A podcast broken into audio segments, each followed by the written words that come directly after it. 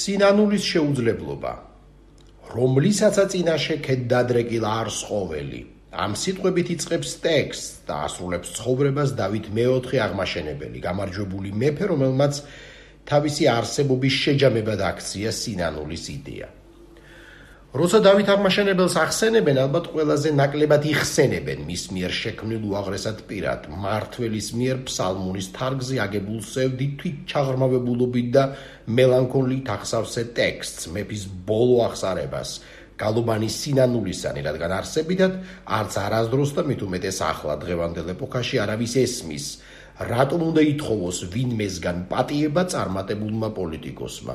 სინანული ხომ სისუსტის ნიშანია, ბუდიშებს ხომ მხოლოდ წაგებულები იხდიან. გალუბანის სინანულისანი მონანიების ტექსტია, განწმენდის და ტრანსფორმაციის მოლოდინით გამშვალული, სურვილი რომ მეფეს შეუნდო, ნაპატიონ და შეუსმინონ, რაც რეალურად დიდ და გააზრებულ ბოდიშს ნიშნავს. სიტყვას, რომელსაც ვერაფრით დააცდენინებ დავით აღმაშენებელთან მიუღწევლად პატარა, მაგრამ მასე ასმაგად პატიმოყარე მოქმედ ბელადებს. ლამისა სიშტერემდე მისული გულუბრყვილობა რომ ბოდიშსან სინანულს ელოდო რომელიმე თანამედროვე პრაგმატიკოს ავტოკრატისგან მაგრამ ნუ თუ ისევ და ისევ ეპოქებშია განსხვავება და არა პიროვნულ מחასიათებლებში როცა ალბათ სწორედ დავით აღმაშენებელივით მკაფიო უნდა იყო რომ სინანულის გამოხატვა გამოთქმის სიმამაცე გქონდეს და არა იმის შიში რომ თუკი ბოდის მოიხდი და მეტნაკლებად მაინც შეეცდები შენი წარსულის რეფლექსირებას მაშინვე სუსტად და საწყლად მიგიჩნევენ მართლაც ვის ვადარებთ, მაგრამ მოგისმენიათ კი ოდესმე სსრკ-ს ბოლო ჟამის რომელიმე ცეკას მდივნის სინანული ვთქვათ 9 აპრილის ტრაგედიის გამო.